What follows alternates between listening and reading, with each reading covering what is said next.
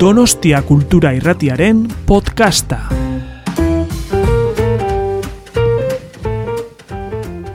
E, Arratsalde on denoi. Ongi etorri Literaktumeko ekitaldi honetara. Gaur gurekin ongi dakizuenez Eider Rodríguez daukagu. Arratsalde on Eider. Arratsaldeon. Mila, bi mila eta lauan eta handi gutxira gaur ipuin bilduma adera zuenetik, ba bere ipuin bilduma guztiekin liluratu gaituen idazlea da Eider, dela aragia, dela katu jendea, eta nola ez, askoren kutxun bilakatu eta irakurlego zabala eman zion bihotza handiegia bera. Sarrion handiari buruz egin zuen eiderrek bere tesia, eta saiakera, komikia landu ditu besteak beste, baita itzulpen gintza ere, dantzaldia itzuli zuen, hor e, irenen emiroskiren nubel zoragarri ura. Gaur egun e, EHUko irakasle bezala diardu. Bai? Bai. Bueno, lehendik ere bagenekien eiderrek osongi pentsatzen duela bere liburu bakoitza, pauso bakoitza. Eta oraingoan ere alaxe izan da. Esango nuke bere ibilbidean eta baita irakurleen memorian ere ur marka berri eta garrantzitsu bat izango den lan batekin datorrela gaur gugana. Izan ere, hau da, labetik atera berri berria e, eraikuntzarako materiala bere lehen novela. Gero salgai egongo da, baina ez dago denontzat. E, berrogeita sei ale bakarrik daude, beraz. E, orain prez, ez dut prezioa esango, ze orain prezioa dauka, baina iderreken itzen ondoren igo egingo da prezioa. Beraz, e, ikusiko dugu. Liburu bizia da, sakona aldi berean, hausarta, zintzotasun basatikoa, esango nuke, e, letra larriz idazten den literatura larria eta beharrezkoa. Irakurrea durduzatu, astoratu, unkitu egingo du. Eta nik uste baitarek bere gaur arteko beste liburuen eta ipuinen gaineko argi berri bat. Edo argi berri batenpean irakurri izango ditugula, berri irakurriko ditugula bere orain arteko lanak ere. Bueno, eh, esan bezala, guztiz ezinezkoa ezten tenez, zuetako askok oraindik liburua ez irakurri izana, ba, saiatuko gera modu eraikitzaile batean solastatzen eta irakurlearen biharko plazerrak gehiegi ez zapuzten e, gaurko solasaldi honen bitartez. Azteko da behin, mm, liburuko hasierako zita bat aipatu nahiko nuke. E, zita, bi zita daude, eta horietako bat Maurice Blanchotena da. Esaten duena, etzara zu izango, zu izango hitz egingo duena. Utziozu ondamendiari zure baitan hitz egiten. Naiz eta ahazturaren edo isiltasunaren bidez izan. E, nola usten zaio eider ondamendiari geure baitan hitz egin dezan? Bueno, arratsaldeon berriz ere. E, bai, bueno, hori izan zen, e, idatzi nuen lehen esaldia. Osea, ez da gero a posteriori e, apaintzeko edo jarritako e, eskaintza bat, baizik eta e, izan zen abia puntu bat e, Mogiz Blanchoren e, esaldi hori, e, bere e, ondamendiaren idazkera liburutik e, liburu arraro bada, e, hortik hartutako esaldia da, eta niretzat izan zen hori e, neuzkan puska guztiak, idazketa e, puska guztiak ordenatzeko e, agindua, san dezagun, ez? Orduan, e, hori hori jarri eta eta bai, pixka bat hitzek bere zera egin zuten, ez? Bere ondorioa ekarri zuten eta ondamendia e, ondamendiari begira e, jarri nintzaion parez pare eta oso modu naturalean etorri zen ondorengo guztia, ez guztiz modu naturalean, baina bai, e, pixka fortzatu gabe, ez? E, isiltasun asko dago liburuan. E, orduan bai, hori hori izan zen e, senari loturiko idazkera bat dela esango nuke. Aurtengo literaktumeko bueno, gaietako bat memoriara, memoriak asko kezkatzen gaitu aspaldi honetan, memoriaren industria hitz egiten da. Baina badago hor e, idazlen artean ere, behar bada bi erabietako idazleak bere daitezke agian, e, dena gogoratzeko, dena kontatzeko afana daukaten horiek, eta bestalde mm, amnesiaren edo asturaren kontrako borroka hori legoke ez. E, gogoratu, ahaztu, proportzioetan asmatu, zein da hor, idazle batek ze filtro uste duzu jarri beharko liokela horri, ez da din, ez da dena gogoratzen badugu, zoratu egiten gara, ez? eta bulimia memoristiko edo ahaztura absolutuaren artean ze filtrorekin jokatzen du idazleak? Bueno, hor, e, ez da git, e, bakoitzak bere zera dauka, eh, liburuska dauka, baina nik ikaragarri memoria txarra daukat, mhm. oso, oso, oso txarra daukat, eta batzuetan, kosta egiten zai sinistea, inoiz eh, ume izan nintzela, izango espalitze argazkien gatik, e, kosta egiten zait benetan hori ez, ba, sinistea ez ez daukat, e, soritzapen gutxi dauzkat horri e, loturikoak edo inkluso ba, bai, e, pasaden urteko gauzak ere gogoratzea kosta egiten zait, baina batez ere aurtzarokoak, nerabezarokoak oso oso e, galduta dauzkat, ez, ez dakit zergatik. Orduan, niretzat ez da izan memoria ariketa bat, besteak beste e, gogoratzeko aztu egin bar dezulako lehenago, segurazki, eta e, hemen agertu diren puska horiek hain zuzen ere dira aztu ez ditudan e, bizitza puskak, ez? Orduan, ez niretzako ez da izan alde hortatik e, retrospekzio lan bat edo e, ez, oso oso presentean dauzkadan irudiak dira eta eta horrela etorri dira. San liteke e, eraikuntzarako materiala liburu autobiografiko bat dela. Bai. Zeitzitxusi. e, ia, horri buruz e, jardun, jardun nahiko nuke ez. Mm, Alegi, agian e, liburu guztiak direla autobiografikoak esan daiteke, baina batzuetan autobiografiaren jatorria edo eskutatu egiten dela, mhm. modu txiki, ertain edo kolosalean, oda mozorroaren tamaina dela aldatzen dena, ez? Eta beste batzuetan aldiz kontrako kontrako trikimailua, esango dugu erabiltzen dugula baita ere, narratzailearen eta idazlearen arteko mozorro hori finduz ez? Mm Hain fina da, ze batzutan gardena ematen baituen e, distantzia horrek, ez? Eta fina bizentzutan batetik fina mea delako, baina fina baita ere oso modu sutilean arilkatua dagoelako idazlearen eta mm, narratzaileen arteko distantzia hori, ez? Luze labur hori. Mm Ez dakit izan zenuen tentazioa erabat bestelakoa zen estrategia bat hautatzeko, hau da, mozorro asko zere handiagoa izan zedin historia zehatzau kontatzeko?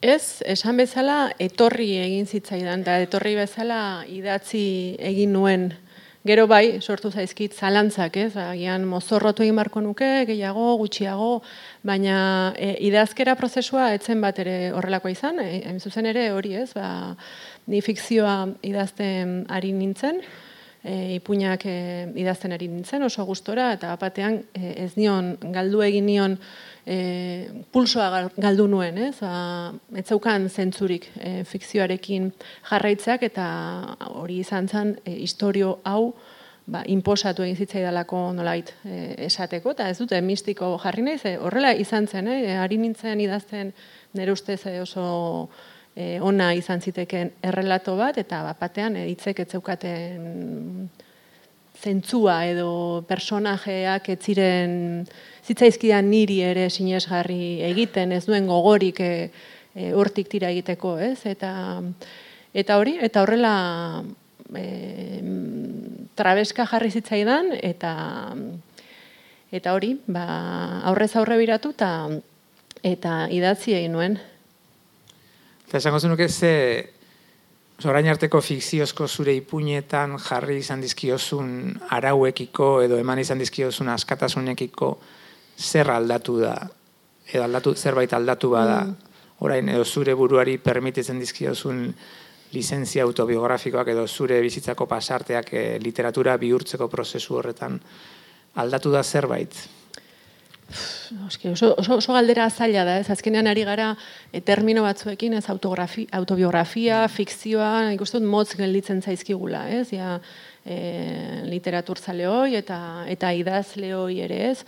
Orduan, bai, aldatu dira, aldatu dira gauzak, ez? Batez ere esango nuke, igual idazkerari loturiko gauzak, ba, igual fikzioa idazten dudanean, gehiago izan da em, idazkera eta idazketa em, tresna bat eta hemen e, liburu hau idazteko garaian izan da gehiago mintz bat ni eta nire gorputzaren eta nire bizitzaren artekoa, ez? Osa, osa organo bat balitz bezala, ez? E, izan da gehiago e, idazkera orduan arauak erabat e, diferenteak, diferenteak dira, ez? E, e, horrelako, bai, aldatu eginda e, konturatu nahi sortaz, ez? Idazkera gauza asko e, izan daitekela eta forma asko arditzakela, eta hartzen duen formaren arabera, ba, gauza oso diferenteak e, egin daitezkela. Agian hori izan da, hmm. niretzat ere harrigarrien izan dana.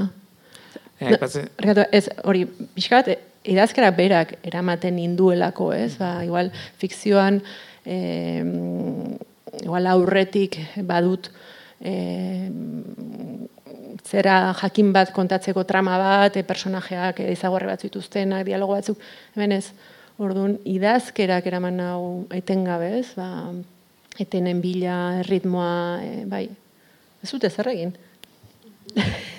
ez dute zer egin. Ez nago erabat ados, baina... E, zuk zer horrek esan duzu, idazten ari zinen fikzio horiek derrepente artifizial suertatzen mhm. zitzaizkizula, ez? Historia hau parera ateratzen zaizularik. Em, zerk egiten du askotan gertatzen zaiguna irakurle bezala, zue ustez, e, konbikzio hori izatearena irakurtzen dugunak baduela kualidade bat e, fikzioa trascenditzen duena, nola baita adierazteko. Hau da, esatea, irakurtzen dugu testu bat eta esaten dugu, ah, hau hemen egia txirikordatzen ari da. Hemen badago zerbait ez dena fikzioaren ohiko trikimailuekin egina baizik eta bere egiatik, ero bere biografiatik, ari, bere esperientziatik ari da idazlea. Ez dakit zer den hori, edo badagoen pulsio imita ezin bat errealidadea kontatzen dugunean edo elikatzen garenean bereziki edo edo besterik gabe idaz leon batek lor dezake berak nahi duenean guri sinisteraztea autobiografikoa dela berak nahi duen guztia. Zer da egiaren mintza hori zer da? Mm. Zergatik irakurtzen dugunean batzuetan diogu hau bai, hau da hemen zerbait benetakoa dago, ez? Eh. Ustakit oso ulertzen dut diozuna, e, adibidez, e, liburuan baude e, diario puskak, eta e, diario puska gehienak, eguneko laro eta meretzia, e, idatziak izan ziren hor jartzen duen datan. Bai? E, aldiz, baude beste pare bat puska, mm, ondoren idatzitu danak kontakizunaren e, mesedetan.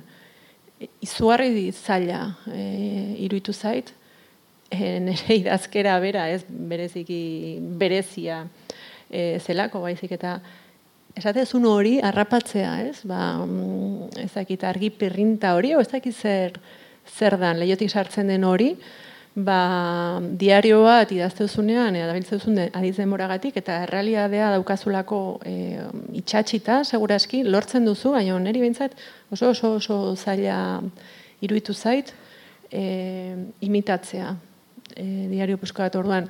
Zer dagoen hor?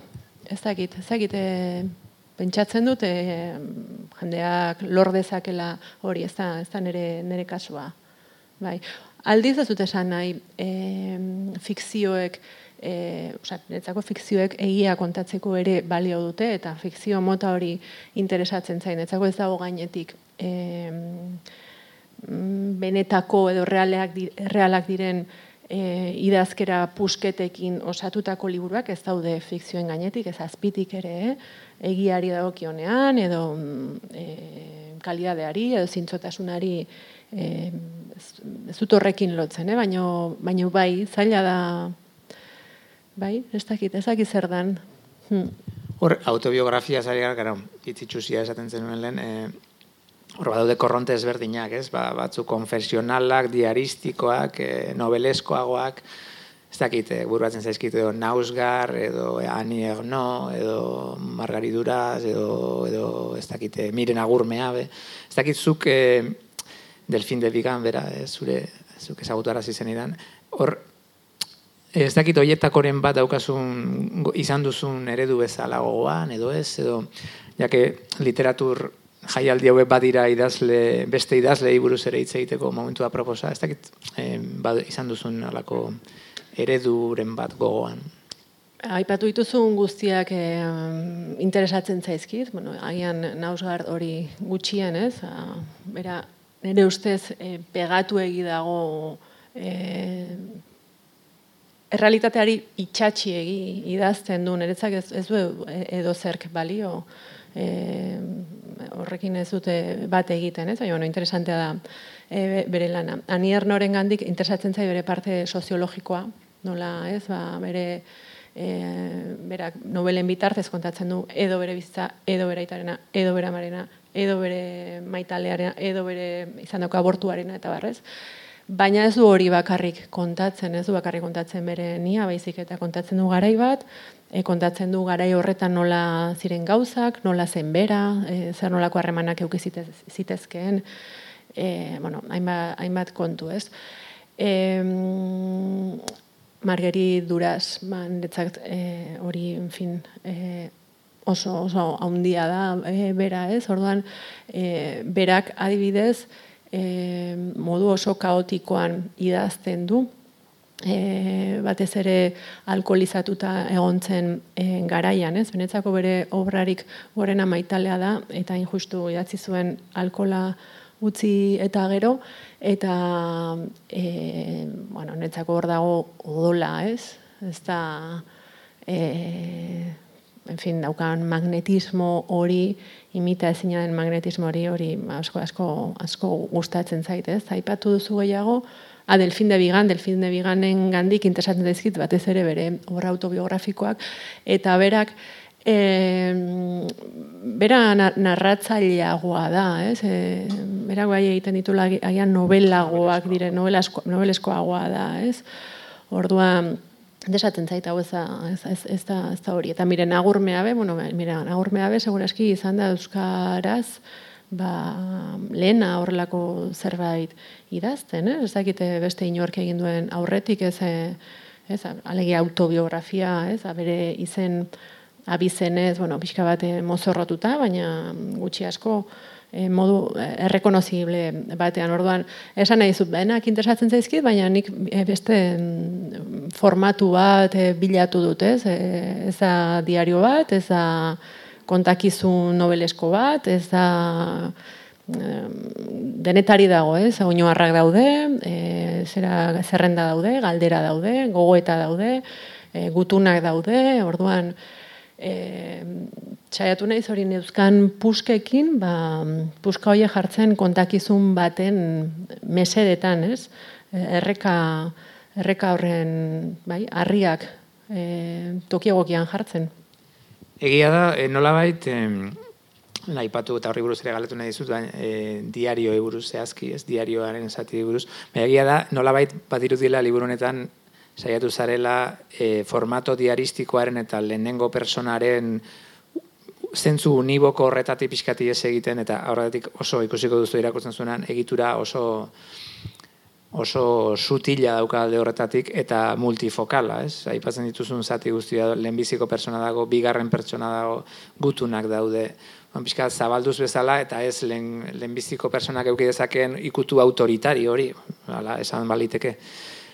Baina diarioetara itzuliz ez dakit eh, betidanik izan zaren zu diario idazlea, zen liburuko narratzailea ja umetatik badauka diario bat, gainera nahiko modu lapidarioan bere lagunak eh, deskribatzen dituena, eta bar, ez dakite zuk ere e, diario irakurle imaginatzen baiet, baina el diario idazle ere beti danik izan otezaren. Irakurle ez hainbeste, eh? ez dute, ez, baina idazle bai. Ba, diario, ez dute egunero idazten ez, baina bai, bai, bai. E, pentsatzen dezakitzen bat, zenbat urte, oza, baukat hor kutsa bat ez, ba, diarioz beteta eta lehenengoa izango da, ba, amar urte nituenekoa, edo amar, amaika urterekin idatzitakoa, eta ordutik bai, bai, bai. Beti egiten dute erregistro bat ez egunerokoa, eta batzutan eba lehoten naiz bila bete deusiatzi gabe, baina, baina badaukat afizio hori, eta batzuetan bueltatzen naiz, agian badu ikusian ere memoria txarrarekin. Hmm. Ez izan liteke behar bada, e, eraikuntzarako material hau idazteko lehenbiziko materiala diariokoa izan zela, ala ez? Bo, lehen, lehen, lehen da bizikoa ez, hasieratik neukan eh, material bat izan zan, baina material asko neukan. E, sortu nituen e, kutsatxoak, material e, mota e, ezberdinek kutsatxoak ez e, gutuna zalak, ez, hola? Eta, eta puska asko neuzkan, e, modu, bueno, e, idazleok daukagun modu maniatiko horretan ordenatutako e, puskak, eta puska horietako bat e, zan diarioz osatutako hori, bai. Esan hori da, idazle guztio daukagula gutxienez, e, askotan familiarekin lotua, beste batzuetan agian ez, edo lehenbiziko persona bizitzaktako zerbait, edo e, erentzian jaso dugun demagun zauri bat, edo zerbait gogorra, zerbait gogoan garria, gutxienez, deno daukagula bat, e, historia bat, zor dioguna, zor komatxo artean e, literaturari. Ez dakit zure kasua izan den, edo hori sentitu duzun liburu hau idaztea. Eh, nik uste hori gero egindako gogoeta bat izan dela eh, asko kostatu zitzaidan eh, idatziko nuela erabakitzea. Nik idatzi nahi nuen, esan duen bezala ez, traeska jarritzaidan, eta e, gero zer egin edo nola, ber, ez dut idatzi niretzat, hori ez da, ez da egia, ez? baina e, ja behin erabaki nuenean idaztea, balako beldur handi bat e, sartu zitzaidan, e, azkenean, ba, gero galdetuko ziatelako la entrevista batean ia autobiografikoa hote zen. Eta orduan, e, era berean, nire buruarekin izandako burruka hortan, ba, gailendu zen oski, idaztearen aukera, eta ikusi nuen edo bueno, esan nuen, a ber. Idazle ba naiz, idazle izan nahi bali madut, ezin dut. Eh, ezin diot honi uku egin, ez? Osea, nere konpromisoa hitzarekikoa o lanbidearekikoa, literaturarekikoa hau ere bada. Orduan, eh, hortik eh heldu nion, ez? Ba, idazketari, ez? Ta hasieran, ez? Jo, nere ni, ez? Ba, ze zitsusi gelditzen den hori ere, ez? Azkenean norberari buruz idaztea ez da eh, ez da izan importantea. Bueno, eh, apaltasun, apalkeria eh, burruka burruka eh, oiek, eta iritsi nintzen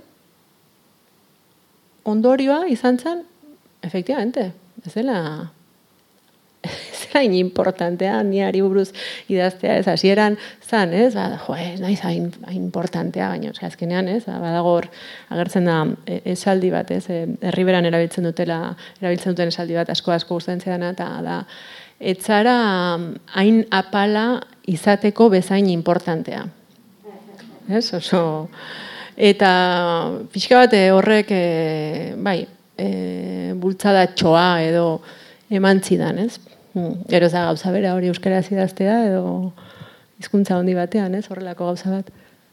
Na, eskotan esan hori da, ez? E, barkatu nire burua hitz egitea hainbeste, baina gertuena daukana dana da, ez? Hau da, e, badago eta ez dakit hori horrek erraztu edo zaildu egin dizun liburuaren joskintza, ez? Alegia gertuen duzun horri buduz idazteak, badauzka abantaila batzuk, ez, inork ez du ezagutzen zu baino hobeto hori, baina bestalde zor batzuk ere sortzen ditu, edo ustez zor ditzake, egiarekiko edo gertaerekiko edo maite dugun jendearekiko lotura horrek pixu bat izan lezake, edo lotura bat.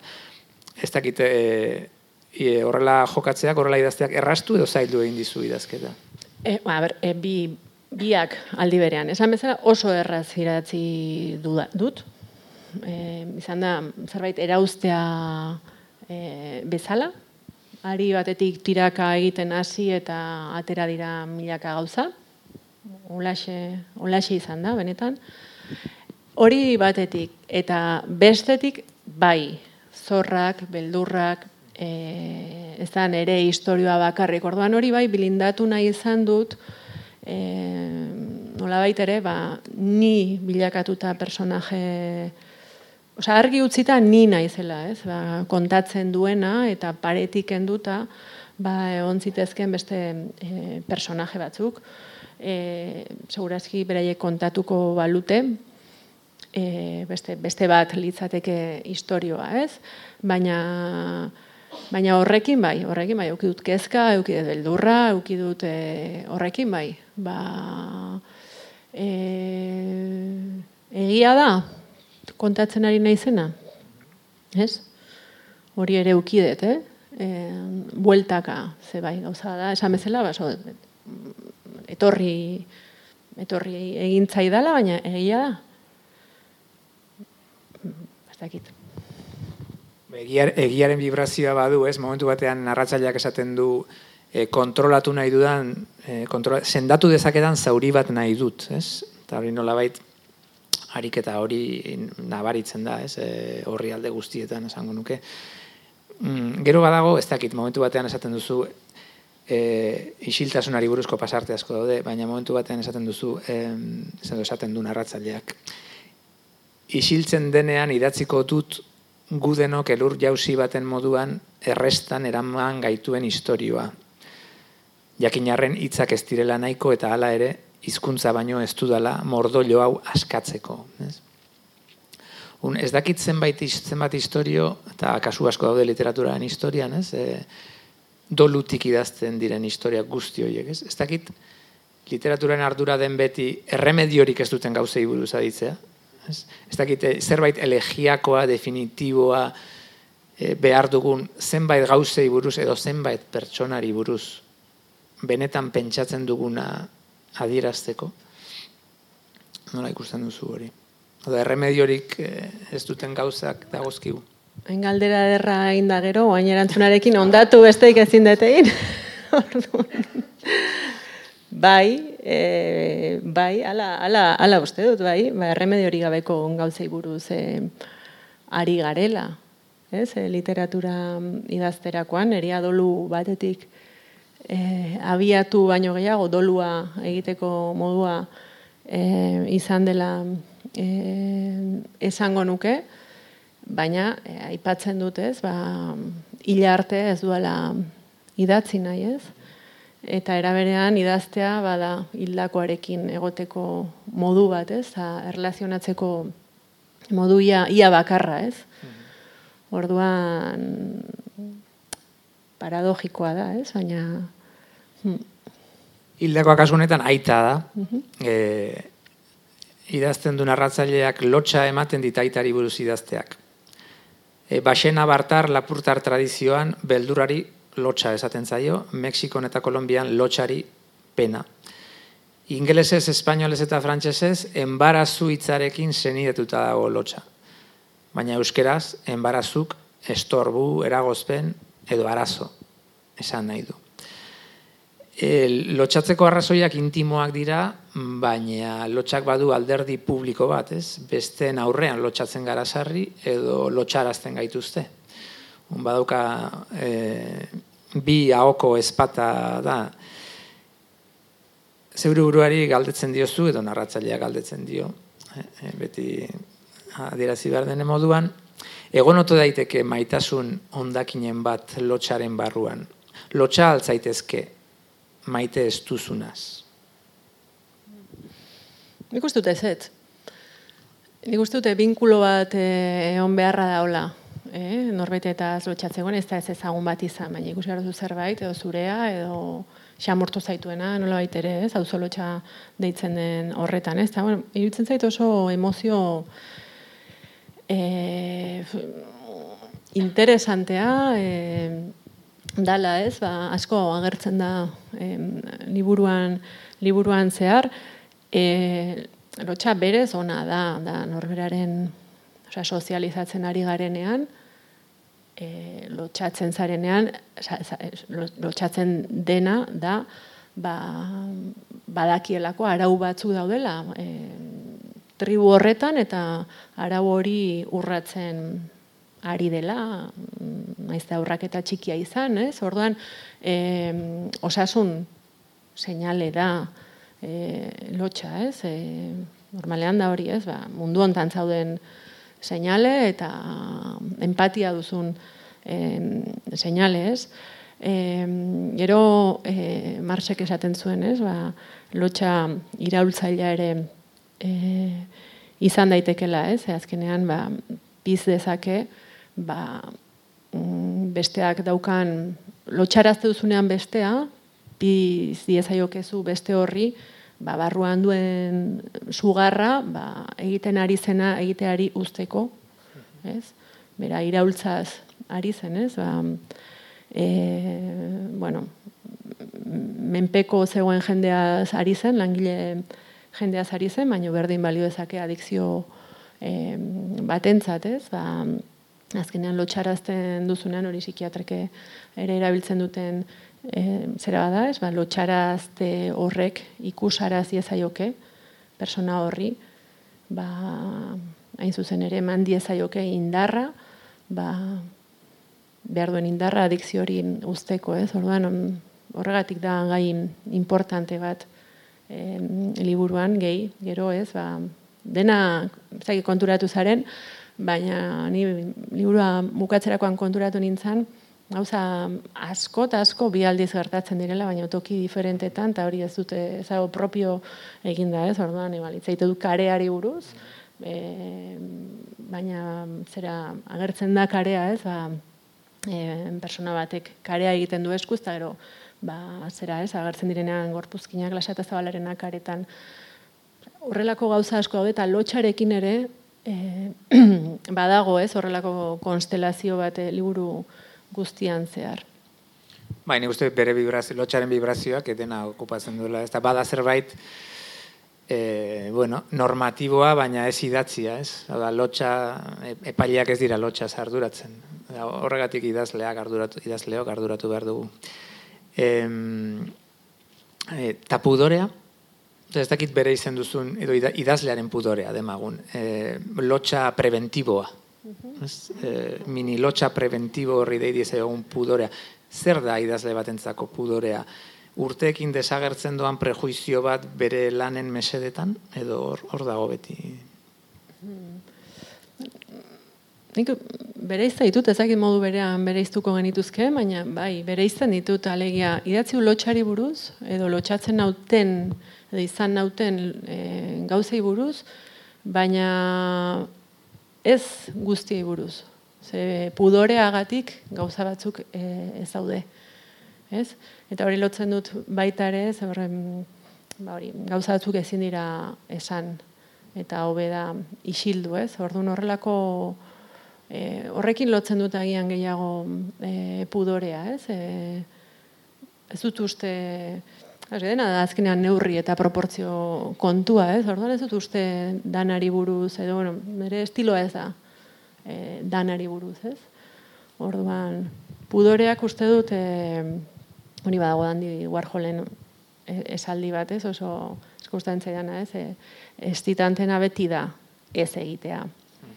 Ez? Orduan pudorearekin ere gauza bere irutzen zaite, ez? E, uste dute interesgarriena edo benetan badela, ez, eskutatzea. Eta alarezuk egin egin duzu, hau da, asko hitz egiten da isiltasunari buruz liburuan, ez da, e, ba, arazoak isilik eratuz konpontzen genituen, e, nik erabaki nuen isilik eratzea nigatik eta nire amagatik, hau da, nolabait, narratzaileak dara ama bere isiltasunaren pixua, baina ingurukoen pixua ere bai, aita isila da, baina alabak ikusten du zerbait estetikoa, saiatzen, edo helburu estetiko batekin saiatzen da interpretatzen aitaren isiltasuna. Et, mm, isiltasunak ez du isiltasuna gainditzen, baina zu literaturarekin saiatu zara isiltasun hori trastenditzen edo urratzen, ez? Bai, badago ere e, burruka hori, ez? Ba, hitzek balio dute, ez? E, balio aldute. Bueno, ba, balio dute, nik uste dut balio dutela, eta horregatik e, idazten dut, eta irakurtzen dut, naiz eta e, jakin baita ere, ba, azkenean ondatutako hitzekin ari garela, eta ezin dutela dana, ez? E, hitzek, baina, baina zaukagula besterik. Orduan, mm, bai, em, urte askoan pentsatu izan dut ezetz, baina superbibentzi ariketa bat izan da azkenean, ez? Ba, hitz eta hitzen ganako konfiantza hori e, zehatzea, ez? Bueno, literaktumen ez badugu defendatzen e, korporatibismo utxagatik ez bada i, esan nuke hizkuntzaren zehatza, ez hori da beste gai bat liburuan e, ez dut sinonimoetan sinisten dio narratzaileak. Agian dena da hizkuntza arazo bat hasieratik dio narratzaileak. Ez narratzaileari amorrua handia ematen diote ja txiki txiki txiki txikitatik. Eh sintaxiak atxek, ortografiak atxek, eta nolabait badago alduntze bat horretan, ez? Berak jabe sentitzen da, hizkuntzaren edo hitzen jabe izatea gustatzen zaio. Eta mm, etimologiari buruz ere jarduten duzu, ez? E, etimologia hitzaren etimologiak hitzaren benetako zentzua esan nahi du.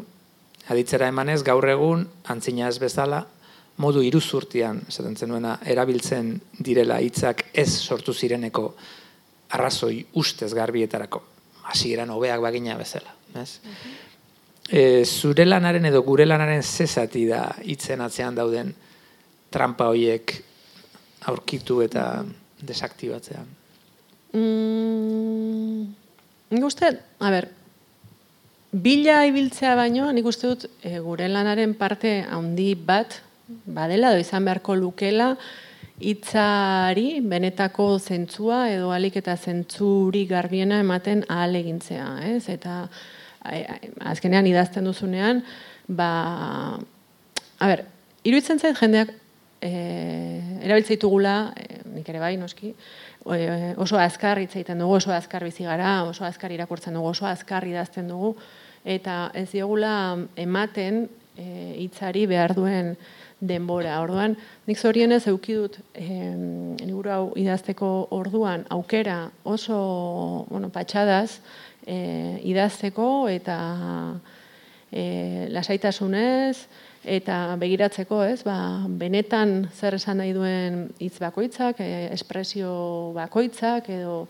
zer batzutan trampak e, nahi gabe, ez? Etortzen zaigu irudi eder bat eta eta sakrifikatzen dugu egia, ez? Orduan hor ere adi adibili behar da, ez? Orduan niretzako bai, nik e, sentitzen dute hori berri baterako ditza ez, baina konpromiso bat badudala e, hitzekin, ez naiz bakarrikarin ere literaturari buruz, baizik eta baita ere irakurtzen dudan e, literaturari lotuta esaten dudan zerbait da, eta inkluso e, politikari buruz ari naizenean, edo agintari buruz, edo edo jendearekiko harremanetan. Niretzako nik badut konpromiso hori eta idazle bezala konpromiso eh oso solepenea gelditzen ari da, ez? Baina benetan bada uste dute gure gure lana, ez? Ba, erabiltzea hitz zehatzak. Esan nahi dugun hori izatea hitzak jasotzen hitzek jasotzen dutena edo bintzat eh, alik eta gertuen egotea. Eta ez da beti erresa izaten. Badago adibide bat oso polita liburuan eh, esaten duena eh, komatxoak ireki. Eh, desmadrea neurri gabekeria da. Gertatzen denean ama kontingente bat deitzen zaio gauza bere onera ekarritzen. Despadrea ez da existitzen. Aitek berezkoa izan dizakete gehiagikeria, aita izateari utzi gabe. E, horrelako traba bat topatzen dugunean bidean, ze, ze atza esan duzu, ez da? ze estrategia erabili beharko genuke hitza eraitsi, hitz berri bat asmatu, modu kontzientean erabiltzeari utzi, dena aldi berean, iztegi berri bat asmatu.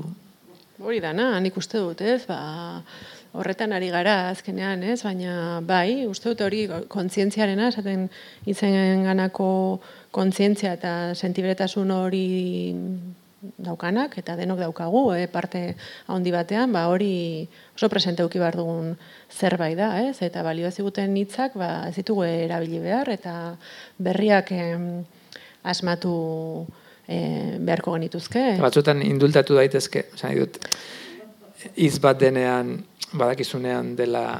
Adibidez? Ez, ez desmadrea. bai, nuen, ez? bai. E, claro, e, hitzaren... Zai, galdera bada, eh? Osea, Bai. Ez, ez daukate... Indultatu, bai, nik uste dut, eh, nola erabiltzen duzu, nun jartzen duzun, eta bai, nik erabiltzen dut, ere, noski hitze hori ez, baina, baina, baina bai, ba, e, jo, gure lana, bada pixka bat argia, ez, e, bilatzea, ez, iluntasunaren e, artean, ez, ba, nire, oza, azkenean libura honetzako, ba, izan da, ez, li- iluntasunetik ateratzea argi pixka bat, ez?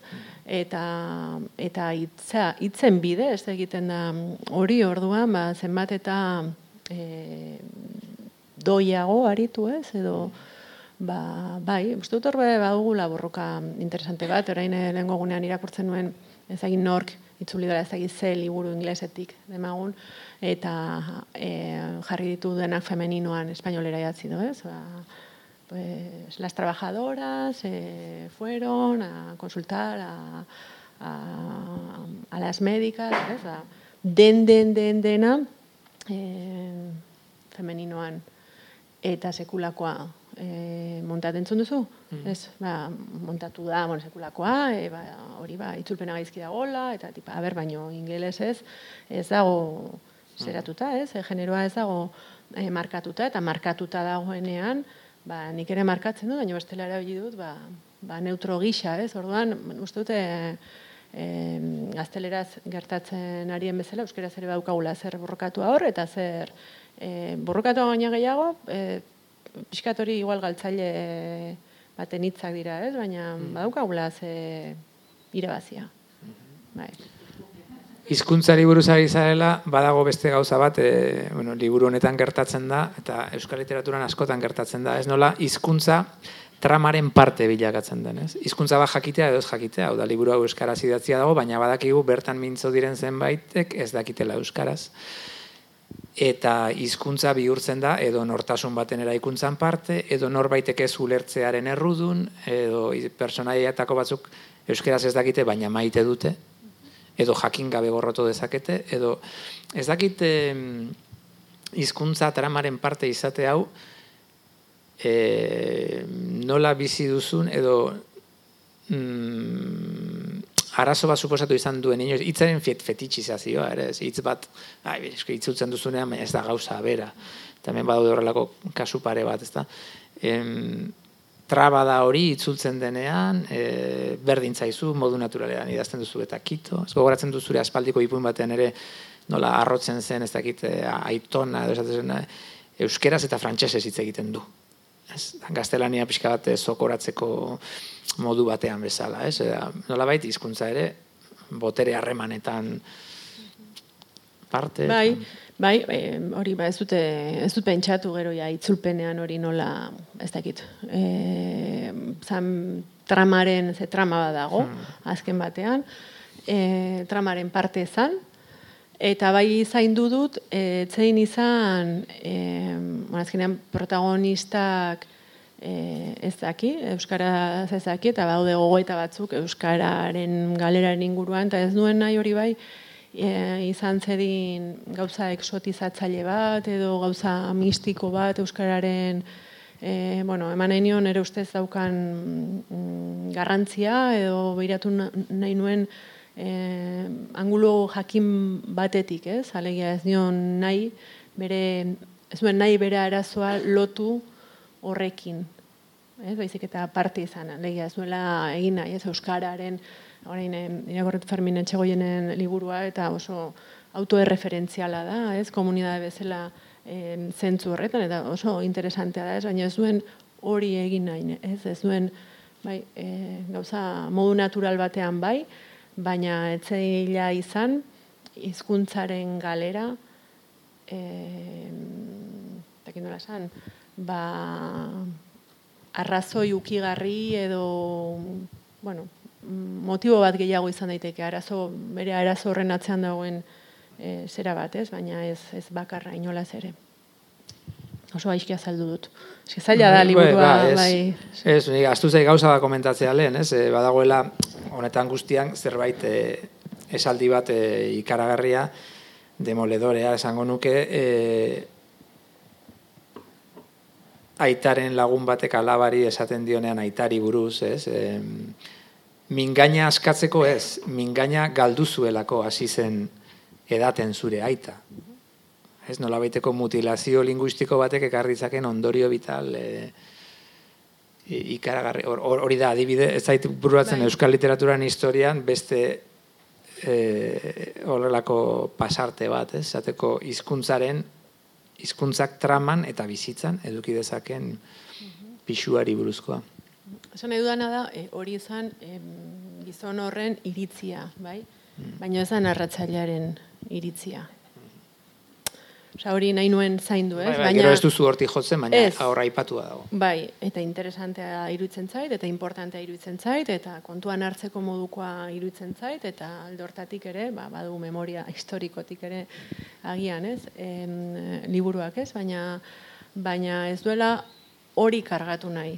Ze naizta astakeri, basakeri esan gabe doa, zer iruditzen zaidan, ez? Ba, hizkuntza baten galera edo e, suntxipena esan gabe edoa. Baina ez nuen, ez da hori, e, trama, ez duen hortik bideratu nahi. Badago, bestalde, garo, itzaiten ari gara, gauza grabei buruz, gauza gogorrei buruz, gauza gordinei buruz, baina esango nuke, e, eraikuntza honetan, eraikuntzarako materialak honetan badagoela, desera ikuntza edo, edo autosuntxipenaren historia, ez aitaren ademagun, baina paraleloan badagoela baita ere narratzailearen, alabaren, nortasunaren eta bere bizitzaren eraikuntza bat paraleloki, ez? Ba, bai ume, umea denetik, nerabe. Orduan, zentzu horretan, uste dute, liburuak balantza horri eusten diola, ez? Badagoela, zorion etengabe saboteatu baten bilaketa ere kontrapixua egiten diona besteari, ez? Da nolabait zoriona saboteatzeko lehenbiziz zoriona behar dugu, eta literaturan zoriona deskribatu behar dugu. Naiz eta izan zorion bat gero zapustua izango dena, behar bada paragrafo berrean, berean. Ez, ez dakit egia irutzen zaizun zuri ere, edo e, ados zauden, pasarte zorion txuena direla askotan, idazten nekezenak direnak. Ez da ez baitu tegin oin arte. bueno, amago batzuk egin duzu. Bai?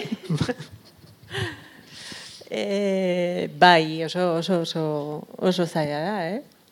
Dik beti esati zu, zuri gainera, ez, eh, twisten eh, azken partean, ez? Hori lortuan bakarra. bai, bueno, baina, ze zaila den hori, ez? Lortzea gauza argitxu bat, harin bat, zorion bat, baina ez edulkoratua, e, hori, ba, azkenean brisara, ez, e, moduko bat, baina irakurtze duzuna, eta ez da joaten, ez, horri ustea oso, oso, oso, oso zailan, eh? nik ez dut inoiz egin, ez egia ez, ez nahiz jarri ere, baina uste dut e, oso zaila e, izan behar duela. Ia, ia, zorion izatea ezain zaila. Hori, titular polita. Hor, e, bueno, egon badaude, ez? E, nik gonbidatzen zaituztet, gero sorte daukazuen berrogeita zei irakurleok gaur bertan, eta besteok ben, bihartik aurrera, ba, pasarte zoriontsu, zoriontasunaren bilaketa saboteatu hori ere dastatzera, ez. Em, bueno, urbiltzen ari gara pixkanaka azken txampara. Lehen itzen dugu pixka bat e, novelaren eraikuntzari buruz. Mm, Baina novelaren eraikuntzaz baino gehiago, e, xeetasun bat nahi nuke lehenbizia aipatu dena, baina zure idazketan miresgarrienetakoa irutzen zaidan, eh? ez da, nola zea bilda daukazun eguneroko bizitzan antzespena atzemateko, ez. A, e, antzesten ari dira pertsonaiak eta nolabait bilatzen duzu antzezpen horren zergatia eta asmo eskutua. Ez antzezpen horren, hori ez dakit lehen duzu bi aldiz, nik uste antzezpenarena hiru aldiz gutxienez badagoela. E, esaten duenean, aitari normal begiratu diot, hain normal non ez diodan aitari apenas aurpegira begiratu, ez tezan pentsa, nire errukia pisteko bezain gaizki dagoela uste dudanik. Ez? E, bueno, ikaragarria eta sutila oso, ez? Hortan, beti izan duzu e, oso ez, e, begi oso oso zorrotza, ez? Adeko, edo, bat bere gizontasuna antzesten ari denean ama alaben aurrean, ez, kontzientzia horrekin. Em, ez dakit, zuk ere momentu batean deitzen, edo, narratzaileak deitzen dio udarari, udak sasoiari, em, em, ant, e, bai, uda iristen denean dio, uda izango da nire garairik auskorrena, normaltasuna antzestekoa estalperik gabe geratzen naizelako. Oan, ez dakit, e, beti ari gara antzesten, edo badago zerbait antzespena ez denik, ez da, da pixka tragikoa da, edo beti ari gara antzesten. Mm, jo, oain dela gutxi irakurri dut liburu bat, zeinaren izena, ez duan horitzen, zaizuete memoria oso txarra dukala, Mariano Peirurena, ez naiz akordatzen, bere azken liburuan aipatzen du gauza bat, ba, segureski oso evidentea dena, baina nien nintzen baina ere konturatu ez, baina esaten du antze, antzerkiari buruzko, antzerkiari buruz ere bada liburu hori, eta aipatzen du nola e, munduan gauza asko bakarrik egin daitezke antzestokia den karratu horren barruan. Osa, tontokeria bada, ez? Baina orain jarrikoa genu, gu hau bezala orain, ez? Ola ere bagaude e, antzesten, ez? Azkenean lau marra jarrita inguruan, horrek emate izu baimena beste arau batzuk edo edo arau batzuk, hain zuzen beste arau batzuk baino gehiago, arau batzuei jarraitzeko, ez? Orduan, e, momentu batean aipatzen da, ez? Aitak esaten dio alabari testu liburuetan ikusten dela, ez? Nolakoa den norbera, ez? E, e, testu liburuetan ez liburuetan ikusten dela, ez? Ia garbiak dauden, edo zikinak, papurrak dauden marruan, e, ondo zainduta dauden. E, hor ikusten da, ez? Hor esaten duen gogoeta dago, ez? Azkenean bakarrik gaudenean bakarrik gara benetan gu, ez? Orduan, e, zorionez, antzerkia daukagu, gutaz aparte, benetan garen aparte, beste persona batzuk ere izateko, bera, zenetzako ez da e, txarra e, kontrakoa baizik, baina, baina bai, e, azkenean arauetara plegatzen garenean ez, sozialki ari garenean, inkluso etxean. Hmm. Ba, hemen, eh, amaitze aldera, Bueno, hau pixkat bertso saio kutsu hartu dezake, baina bueno, tentazioa handia da ba, liburuan dauden hainbat perlaren aritik segika konversazioa luzatzeko, ez? Narratzail irekiko matxoak. Gero leheno ez ditut itxi, ez? Lengoak itxi eta orain berriak ireki. Batzuek gehiagikerian baino ez dute aurkitzen ezagutza itxiko matxoak. Edan ura. Bai, bai, neurri gabezia da askotan, ez, ikasbidea, ez, azkenean, e, batzuetan, e, zaplastekoa behar da, ez, a, ikasteko, o ikusteko, edo, edo aldatzeko, ez, orduan, neurri gabekeria bada, ez, askotarikoa izan daiteke, neurri gabekeria hori, baina, baina bai, nik uste dute badela, e, zera bat, ez? Ikasteko modu bat, honen ala ez iritsi behar izatea, baina... Literaturarako mehatze bada hori ere, ez? Bai. kontua da, askotan gehiagikerian sakontzen hasten zarenean, non bukatzen duzu bai. zure buruari, non, edo pudoreak Pudorea, non, non jartzen duen hori da. Hmm. Irekiko matxoak, ez algenuke guraso eta semea laben arteko maitasun erromantikoa ere eraitsi behar, itxiko matxoak. Dio narratzaileak. Eta ni galdetuko nizuke, bururatzen zaizu literaturan e, gurasoen eta semea laben arteko harremana modu kontrolatu xamarrean eraisten duen historiorik, novelarik. Ba, beti realidadea fikzioan atzetik doanez, diot, eredu, ezala. Guraso semelaen artean? Bai. Bai, bai. Asko. Adibidez.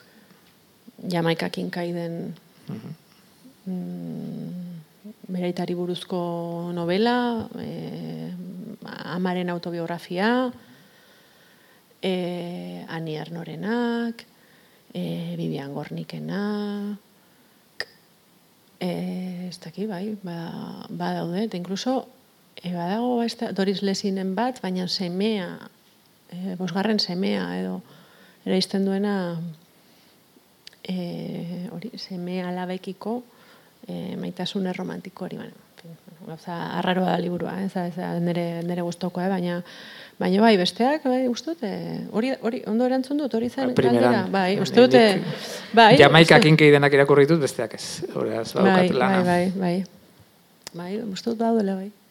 Mm Irekiko matxoak, eriotza ere modu normatibo egian bizi dugu, itxiko matxoak. Bai, Bueno, nik hori, hori, hori ikusi dut, ez? Azkenean, eh, ere, badaude instrukzio batzuk, ez? Ba, zer egin norbait hiltzen denean, ez? Ta horri lotuta egin behar du norberak dolua.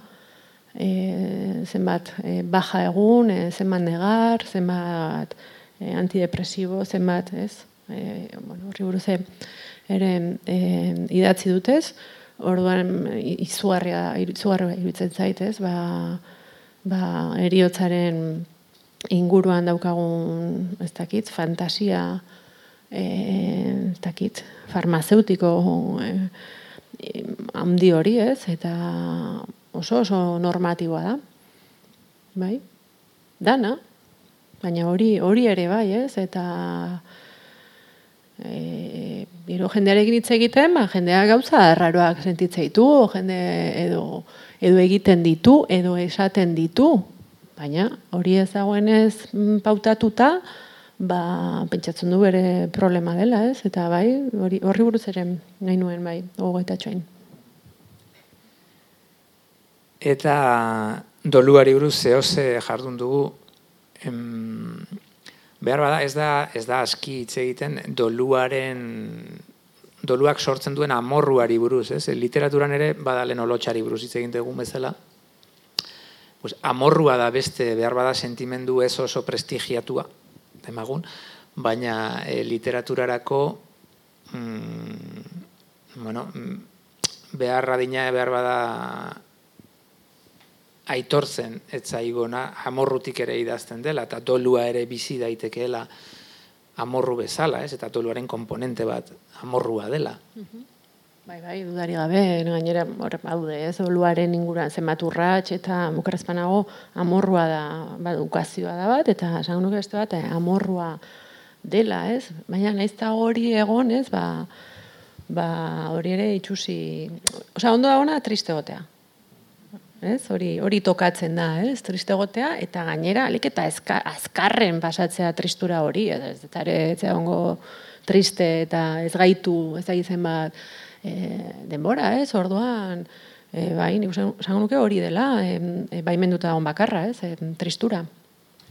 Horrekin egiten duzu orain spoilerrik egingo ez diogun ariketa oso polit bat, e, liburuaren hasiera xamarrean, bueno, konstituzio bateko artikuloen gixan ematen duzunean, e, e, familia baten baitan bueno, sentimenduak eta negarrak adierazteko ze arau dauden, ez? Eta iruditzen zait oso harik eta polita dela norberak egiteko bere famili ingurunean, ez? E, baina gero rango konstituzionala ematen dio eiderrek e, negar egiteko arau hoiei, ez ematen die eta a, be, zinez ederra da, eta konbidatzen zaituztet ba zuen zuen konstituzioko artikuluak idaztera, inork ez digu debekatzen.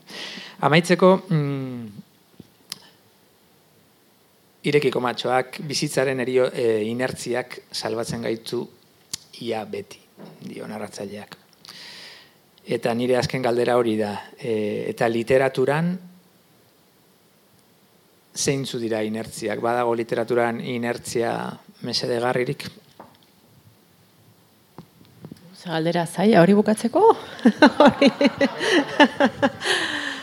ba, ote da hon, literaturan inertzia mesed... Bai. Mm. E... Wow. Mm, ez dakit, pentsatzen dut, e, izan daitekela mm, norberaren taupadari edo norberaren ez dakit, e, hemorragiari bidea ematea izan daiteke barne hemorragia horri, izan daitekeela ez zertan tragikoa izan, eh? zaiteke komikoa ere bai, ez? A, bide emateko modua. E, bai? Odolari isurtzen ustea. Eta zuk uste duzu fikzioaren bitartez, fikzioara itzuliko zarela orain, esan dezagun, hau ere fikzioa da, eh? baina, baina e, fikziozko pertsonaiei Nahi nuke. emango diezu lengo konfiantza, Nahi nuke, baina benetan uste dute zaila egingo zaidala, mm. baina bai, horre bixoat kezkatzen hau, baina ez, ba, gustut, eh, behin fikziotik irten eta material nolaite san errealarekin lan egiten duzunean, ba, uste dut kosta, kostatu inbar duela, ez? Ba, mm. fikziora itzultzeak, ez? Baina, baina nahi, nahiko nuke. Bai. Oso ongi. E, bueno, bi galdera egiteko edo entzuteko edo incluso erantzuteko denbora daukagu. E, ez dakit norbaitek zerbait galdetu nahi duen edo korrika joan nahi duzuen denok liburu irakurtzera. Mikroa emango dizu. Bueno, agian, bueno, oso oso repikatuta dago galdera, baina zer uste duzu Prusti buruz? Ez dut ulertu. Zer uste duzu Prusti buruz, bere gogoak eta bar, bere Proust. estiloa... Ba, Marcel Proust, bai, ez dut irakurri. Bai, ah. Bai, beste galderaren bat. Bai, bueno, nire esjankintasunean, eh? galdetuko dizut, eh, liburu horretaz. Eh, eh, bueno, aipatu duzu e, eraikuntzarako izan duzu laurrean zure bizitzako abaniko hori, ez da? Pixka bat e, nerabeko edo haurtzarotik esna gelditzen zaren egunean e, diario hori buruzko testoak e, eta hor egin duzula ba, puzle piezak, ezberdinak, material askorekin, hor e, egin duzu ba, atera, atera, liburu honetarako, ez dakit parte nagusiena, oraindik hor ustutzeko eta zure bulkadak eta ipatu duzun parra egin arazi egin diguzu esaten dezu, esan zentezunean, ba oso errez idatzi duzula. Ia, ia e, bueno, horari zinela, no? Bulkada hoiekin eta aurrera eta aurrera eta ideiak etortzen zitzaizkizula nahiko, nahiko pronto e, jarraitzeko eta jarraitzeko aurrera. Orduan, e, fikzioa bukaeran aipatu, duz, aipatu dezu, jaduzula gogoa bueltatzeko beste hortara, ez dakit, eider, e, behin horretan izan duzula esperientzia eta badirudi gainditu duzula e, traba hoiek, no? idazteko momentuan, aipatu duzun, fase bat, e, ba, nahiko gogorra, no? zure identidade pasatakoarekin, e, frentea egin beharra, eta hortik jarraitzeko ikusten duzula oraindik izpia gogoak, nola, nola, jarri, nola jarrituko duzu pizka bat memoria alderdi horretan zure literaturan? Ez, esan bezala ez dute, hola, prinsipioz, asmorik eh, hortik eh, jarraitzeko, eh, beste gauza batzuk idazteko asmoa daukat, beste, beste genero batekoak, eta beste, bai, beste gauza batzuk dauzkat eh, buruan, ez? Ez da, goaindik oso gaztea naiz memoriak eh, idazteko orduan, eta ez da aukata bizitza interesgarria ere orduan. Ez, ez da, ez da, gehien gustatzen zaida literatura, ez duen pentsatzen e, idatziko nueni, baina idatzi dut. Idatzi dut. Esan oso errexi idatzi dudala, e, ze, asko kostatzen zain niri idaztea horregatik eh, aipatu dute. E, normalean, ez, ba, fikzioa idazten dudanean, ez aukatalako etorri e, ez dakit, e, geldi ezin bat, ez, ez zait gertatzen eri hori, ez, orduan, Zago lan handia da idaztea, baina hemen zaite kontrakoa gertatu zait horregatik aipatu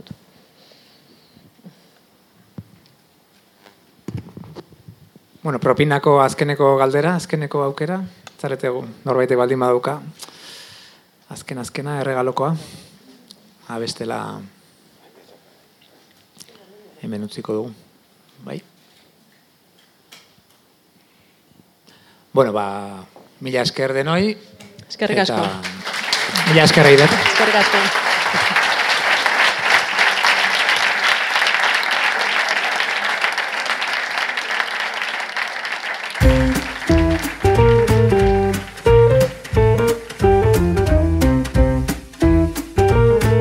Donostia Kultura Irratiaren podcasta.